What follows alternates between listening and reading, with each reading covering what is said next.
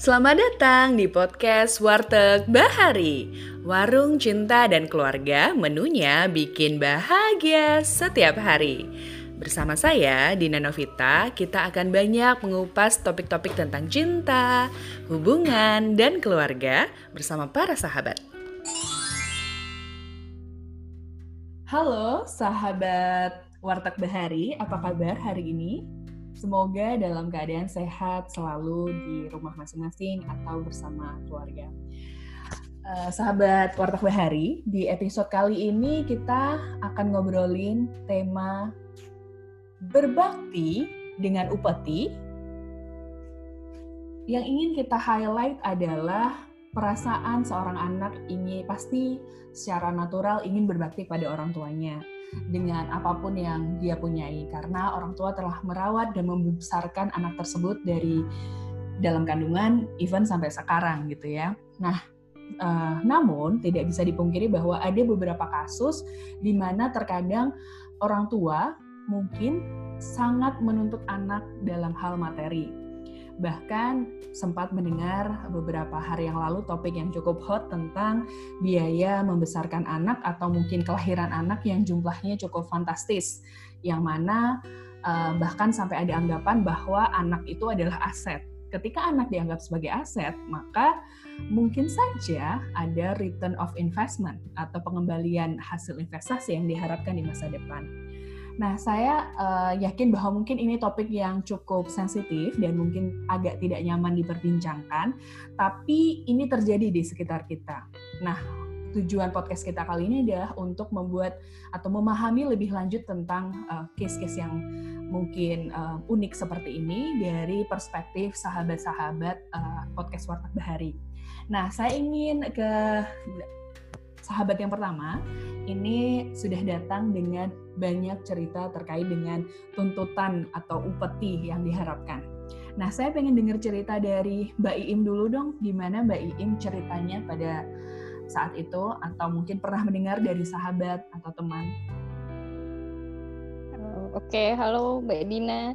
Halo Mbak Iim. Um, jadi kalau dari pengalamanku pribadi ya, sebenarnya orang tuaku itu nggak menuntut sih uh, karena uh, mereka juga masih bekerja terus uh, sebagai PNS ya jadi ada pendapatan tetap gitu. Jadi sebenarnya kalau menuntut banget itu enggak sih ya. Mungkin dalam hati mengharapkan ya.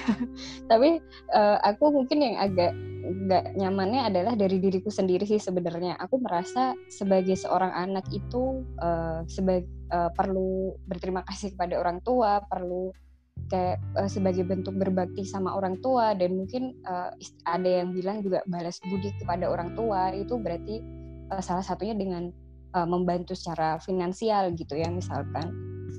Uh, cuman di satu sisi akunya sendiri uh, masih belum terlalu mampu untuk uh, membantu secara finansial gitu. Ya bisa tapi menurutku itu masih nggak cukup gitu kalau aku melihatnya ya jadi uh, lebih ke akunya sih merasa bersalah apakah aku sudah menjadi anak yang cukup baik gitu dengan membantu hanya sekedarnya semampuku saat ini kayak gitu. Gitu sih Mbak Mbak Dina kalau dari pengalaman aku. I see, I see. Jadi lebih ke perasaan gak enak gitu ya. Nah, mm -mm, gak sih mungkin uh, pengalaman teman atau saudara yang uh, punya orang tua yang quote and quote terlalu demanding dalam hal materi? Mm, ada banget sih. Jadi uh, ada teman aku yang uh, orang tuanya beneran karena apalagi temanku anak pertama ya, terus dia udah bekerja, adiknya masih masih kuliah saat ini, jadi orang tuanya merasa adikmu ini uh, sekarang tanggung jawabmu, kamu udah kerja, kamu yang biayain adikmu kayak gitu. Selain di, diminta buat membiayai adik kuliah, terus diminta untuk ya membiayai orang tuanya juga gitu. Jadi uh, padahal temanku ini kemarin kerjanya kontrak terus kemarin pas ada covid ini ada pandemi dia diputus kontrak juga sama perusahaannya. Jadi uh, itu dia makin ini sih makin down dan terus dulu dia pernah kerja di kementerian tapi terus karena tekanannya terlalu berat dan dia nggak nyaman sama lingkungannya akhirnya dia resign kan itu tuh sampai sekarang masih disalahin sama orang tuanya. Uh, ya kamu sih pakai resign dari kementerian seharusnya kan kamu tetap di sana tetap ini ini kayak gitu. Kan kalau kamu nggak resign kamu tetap biaya, bisa biayain kami segala macam kayak gitu.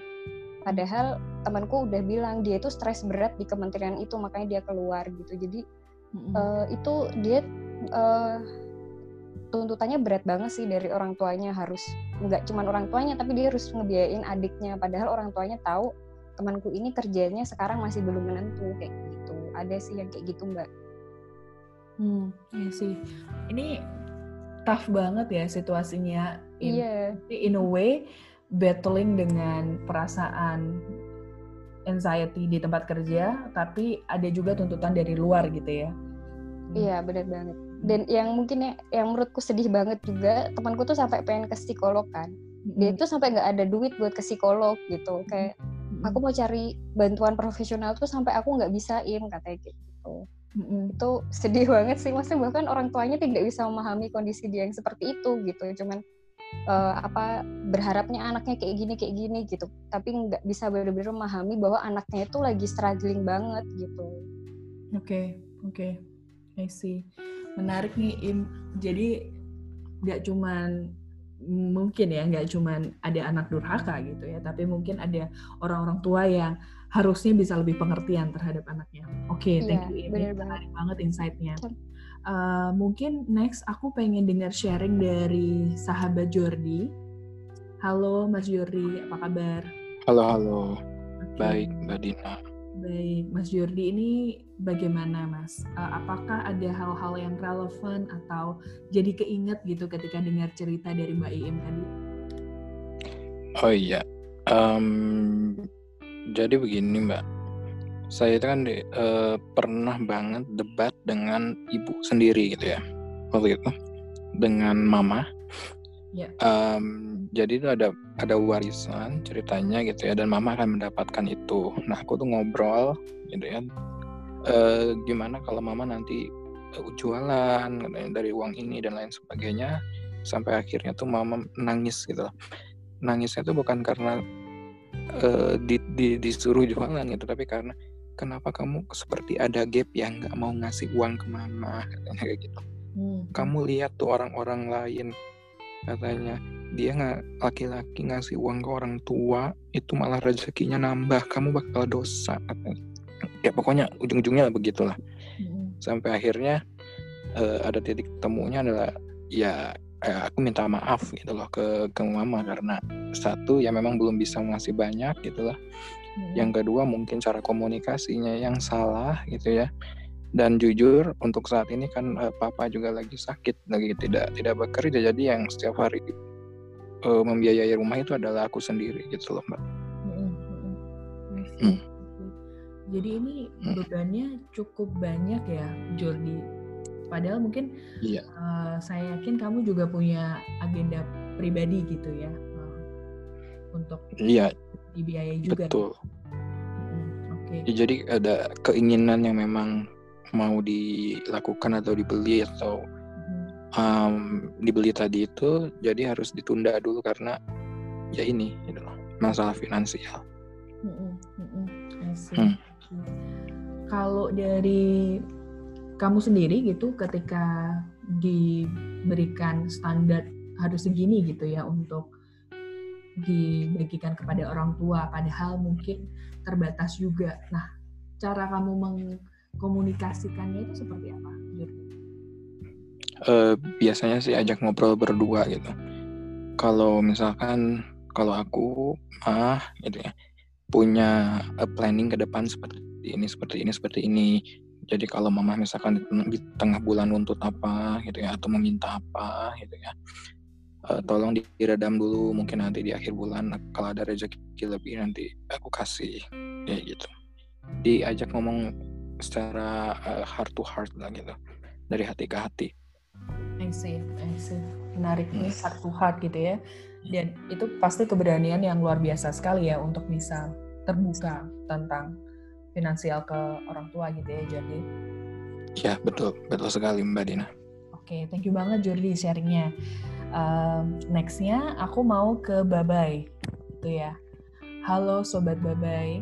Halo. Oke. Okay. Ya. Nah, uh, Babe tadi kan udah dengerin cerita dari yeah. Iim, dari Jordi gitu ya tentang tuntutan atau mungkin kewajiban yang harus dipenuhi di saat diri sendiri itu juga struggling untuk eh, hal-hal uh, personal gitu. Nah, kalau Babe sendiri merasakan hal itu atau pernah merasakan hal itu? Ya, uh, saya juga pernah merasakan, uh, tapi mungkin lebih mirip seperti Mbak Iim ya. Orang tua saya sih nggak terlalu menuntut, tapi mungkin caranya lebih pasif agresif gitu jadi uh, agak minta bantuan gak langsung tapi jadi ngerasa nggak enak aja kalau ngebantu. Eh kalau nggak ngebantu. Kalau waktu itu tuh uh, pernah sekali sih uh, diminta bantuan untuk bantu biaya sekolah adik gitu. Mungkin pada saat itu keadaan finansial orang tua juga uh, lagi nggak menentu gitu. Jadi saya diminta untuk uh, membantu membiayai gitu. Tapi karena saya ya orang itu penurut gitu. Jadi dibilang ya ini kalau bantu orang tua kan ya tadi juga rezekinya nambah gitu.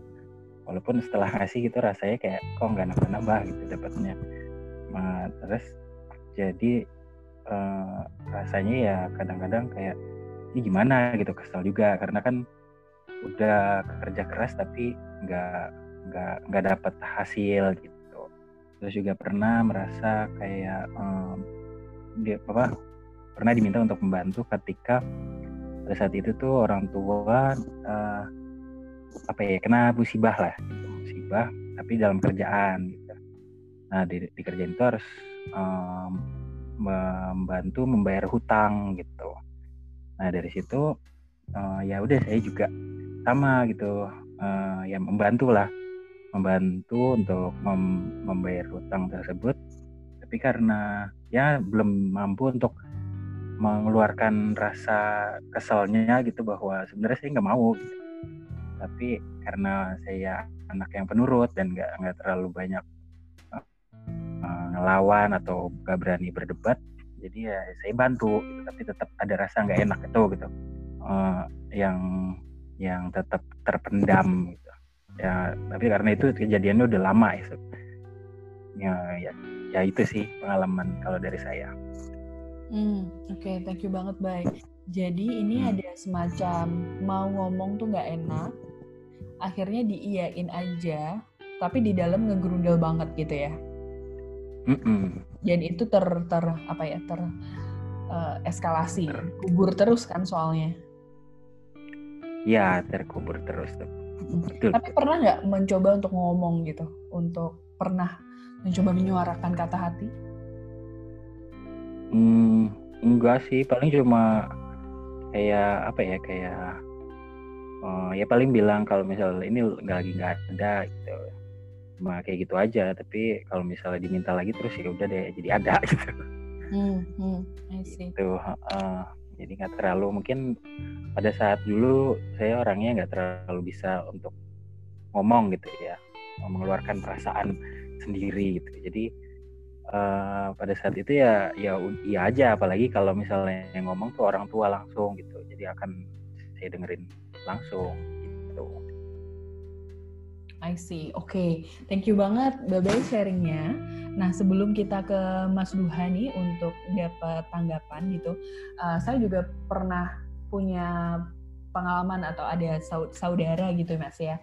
Jadi pada saat itu dulu uh, teman-teman uh, saudara ini itu di uh, lah ketika dia lahir dia di sama orang tuanya ingin di yang tanda kutip itu dijual gitu ya uh, pada saat bayi kemudian uh, akhirnya diadopsi oleh saudara sendiri juga. Dan ketika dia besar uh, orang tuanya yang dulu tidak merawat itu meminta uang gitu. Atau minta diberikan rumah atau diberi uang gitu ya oleh anaknya ini yang pada saat itu menurut saya sudah ditelantarkan gitu. Sampai akhirnya anaknya ini harus bekerja sebagai buruh migran untuk karena ingin berbakti kepada orang tua gitu istilahnya.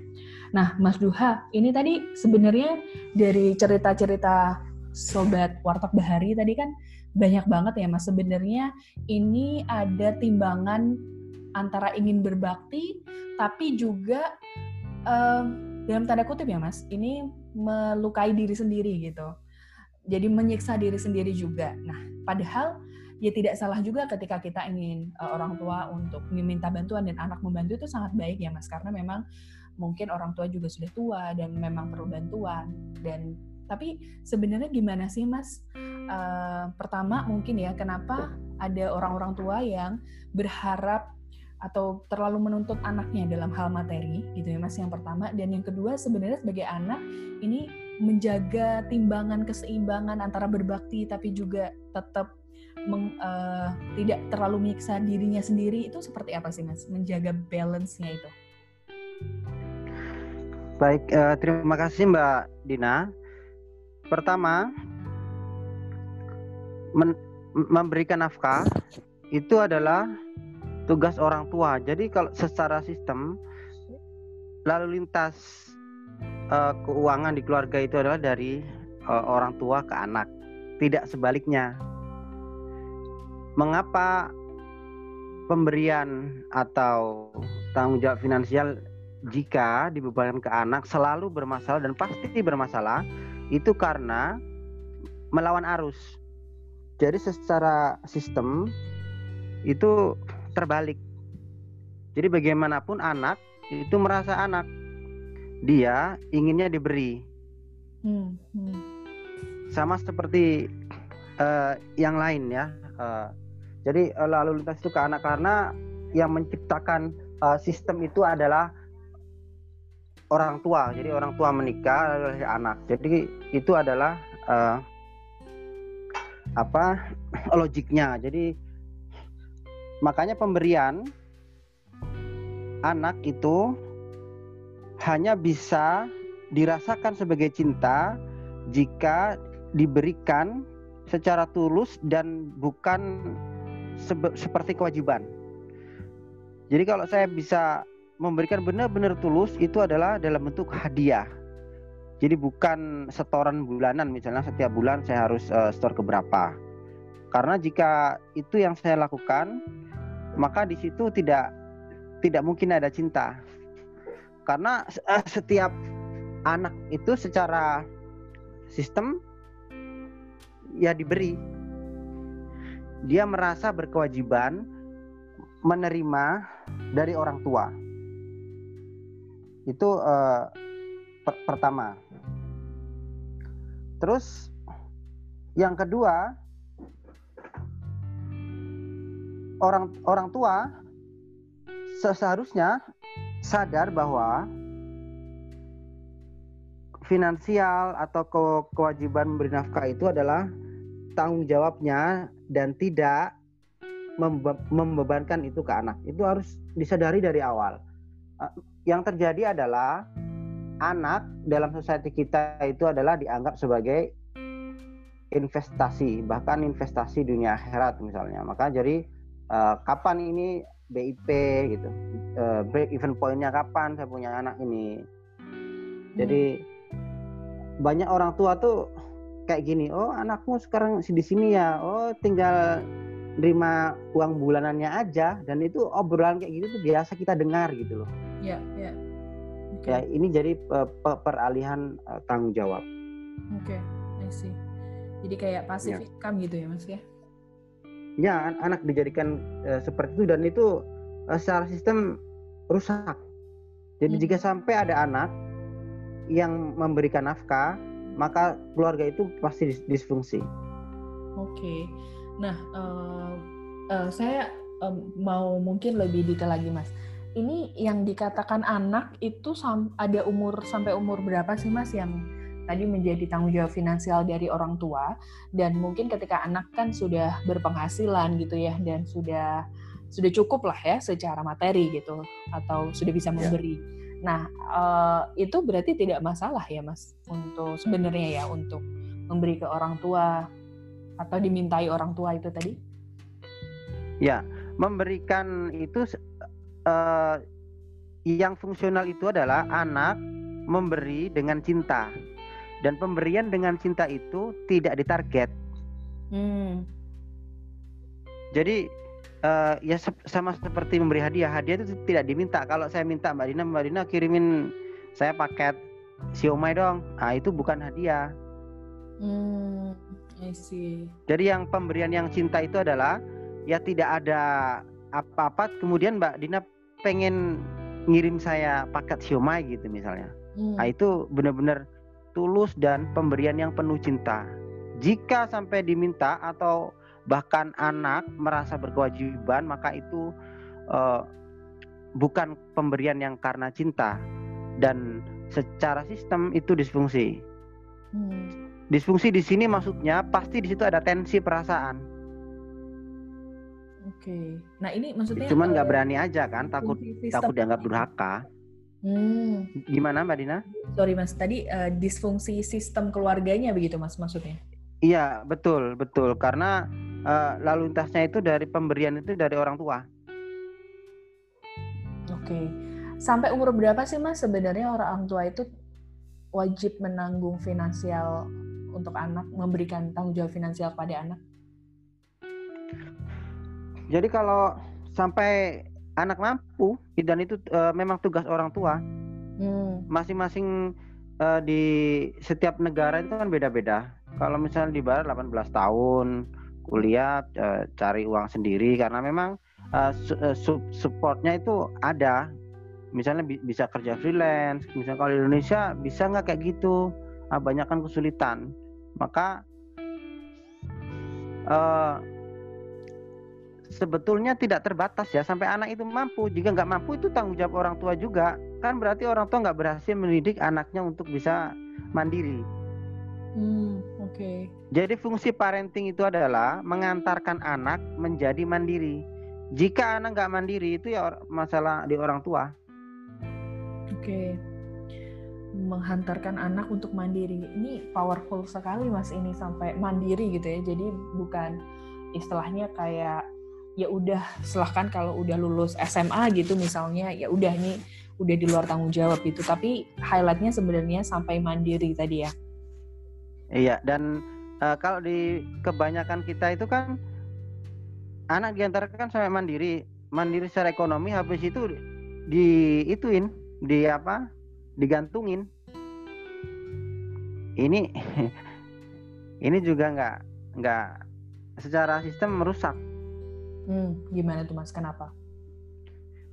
Ya karena misalnya anak pertama membiayai adiknya, itu kan sebenarnya kakak itu ti- tidak ada kewajiban secara sistem menafkahi adik kan itu secara kalau secara sistem kan masih anaknya dari orang tua. Iya, betul. Adik kan nggak nggak merencanakan aku berencana punya adik nanti aku biayai kan enggak kan itu orang tua karena dia kan yang eh, yang ya yang ber- bereproduksi gitu. Hmm. tiba-tiba adik yang nggak tahu menahu tiba-tiba dia dibebankan ini loh adikmu kamu sekolahin oh itu pasti tensi naik dan sistem disfungsi I see, I see. Oke, makanya sering kita dengar anak pertama itu jadi tulang punggung keluarga gitu ya, Mas ya. ya dan itu tidak benar ya maksudnya eh, cara yang tidak benar Hmm, hmm. Karena dia juga berhak untuk diperlakukan sebagai anak-anak gitu ya, Mas. Menerima. betul betul tua. betul betul Nah, betul kenapa sih Mas sampai kita tuh ngerasa mungkin tadi beberapa cerita bilang sebenarnya nggak diminta sih, tapi ngerasa berkewajiban dan nggak enak gitu. Itu kan berarti ada beban yang dirasakan meskipun tidak dikatakan gitu, Mas. Nah, itu kenapa tuh, Mas? Se- sebetulnya jika ada beban maka itu adalah ada kontrol atau permintaan terselubung. Mi- misalnya nih nggak orang tua nggak minta tapi eh, orang tua bilang begini, "Eh, kamu tahu kan si Fitri misalnya si Fitri itu tiap bulan ngirimin bapaknya lo 5 juta gitu. Nah, itu kan kemudian menjadi beban bagi anak. Hmm, ya, ya. Oke. I see. Berkata tidaknya itu gimana, Mas? Ini tough banget loh, Mas. Di saat kita tuh eh, didengung-dengungkan bahwa berbakti pada orang tua, maksudnya kayak memberi menerima restu orang tua itu sama saja seperti restu yang ya untuk hidup juga gitu, Mas. Nah, itu gimana, Mas? Berkata tidak tuh Iya. Mbak, bah, bahkan kan eh, sering dibilang begini kan siapa yang memberikan orang tua siapa yang memperlakukan orang tua seperti raja dalam arti secara besar-besaran memberikan nafkah ke orang tua maka dia akan jadi raja gitu kan. Mm, kita dikasih banyak mitos eh, seperti itu. Mm. untuk berkata tidak itu adalah caranya adalah dengan eh, kita benar-benar melakukan pengelolaan keuangan. Jadi kita gaji kita sebulan sekian kebutuhan kita sekian lalu ini buat orang tua sekian. Gitu itu harus eh, budgetingnya harus jelas dan orang tua perlu tahu. Jadi nggak saya nggak bisa ngas ngasih misalnya melebihi ini gitu. Karena saya juga punya masa depan. Karena eh, saya punya beberapa data anak-anak be- benar benar masa depannya itu. Ya kacau balau. Gara-gara menjadi tulang punggung misalnya nggak dia harus membiayai adiknya sampai dia nggak bisa kuliah sendiri sementara empat adiknya tuh kuliah atas jerih payah dia begitu adik-adiknya kaya ya udah kaya sendiri. Di masa tua saudara tertua ini miskin sendiri. Hmm, dan adik-adiknya kurang peduli. Mm, mm. ya ini kan kemudian mengorbankan mengorbankan anak pertama dan itu kan tidak adil. Ya, betul betul. ya jadi kita eh, kita harus adil ter- terhadap diri kita juga adil. Hmm, jadi karena kebanyakan anak-anak yang dijadikan tulang punggung orang tua itu bukan karena orang tua kalau nggak dikasih kemudian meninggal gitu. Enggak kebanyakan karena kebutuhan sekunder. Kebutuhan sekunder itu ya sekolah adik orang tua butuh rumah baru butuh pasang AC kayak gitu-gitu loh. Mm, mm, mm, mm. nyaurin utang gitu loh. Kan yang ngasih keputusan utang kan orang tua kenapa anak bertanggung jawab? Iya, iya. ya Jadi bukan needs gitu ya mas, tapi wants-nya orang. betul. ya. bukan bukan basic needs tapi wants betul Oke, jadi Mas. nggak apa-apa berkata tidak luar biasa. Ini saya nelongso ini mas dengarnya tuh mendengar penjeditan hati anak-anak mungkin yang dijadikan tulang punggung keluarga di luar sana, tapi padahal di dalam itu bubia apa ambiar gitu ya mas. Dan betul betul again dan berarti itu kan menje- membuat kita nggak otentik kan kita pakai pasang topeng hmm, hmm, ya. Ya. Ya. pemberian. Ya.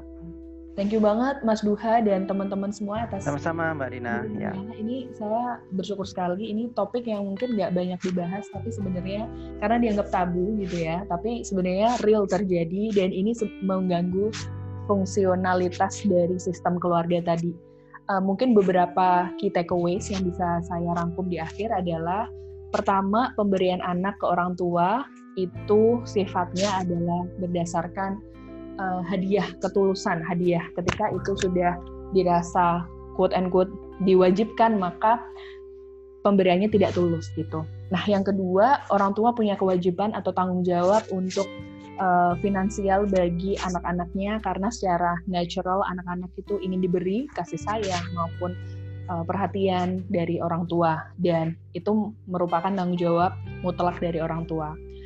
Uh, yang terakhir mungkin uh, menjadi aware tentang sebenarnya uh, bagaimana anak dan orang tua bisa menjalin komunikasi yang terbuka uh, untuk berkata tidak, untuk membatasi diri pada jumlah berapa si anak itu bisa memberikan ke orang tua dan memasang boundaries terhadap uh, dari sisi pengelolaan keuangannya sendiri. Terima kasih teman-teman sudah berbagi di podcast Warteg Bahari. Jangan lupa uh, follow Instagram Warteg Bahari at podcast.wartegbahari untuk tahu update-update episode berikutnya. Terima kasih teman-teman. Sampai jumpa di acara uh, podcast Warteg Bahari yang berikutnya.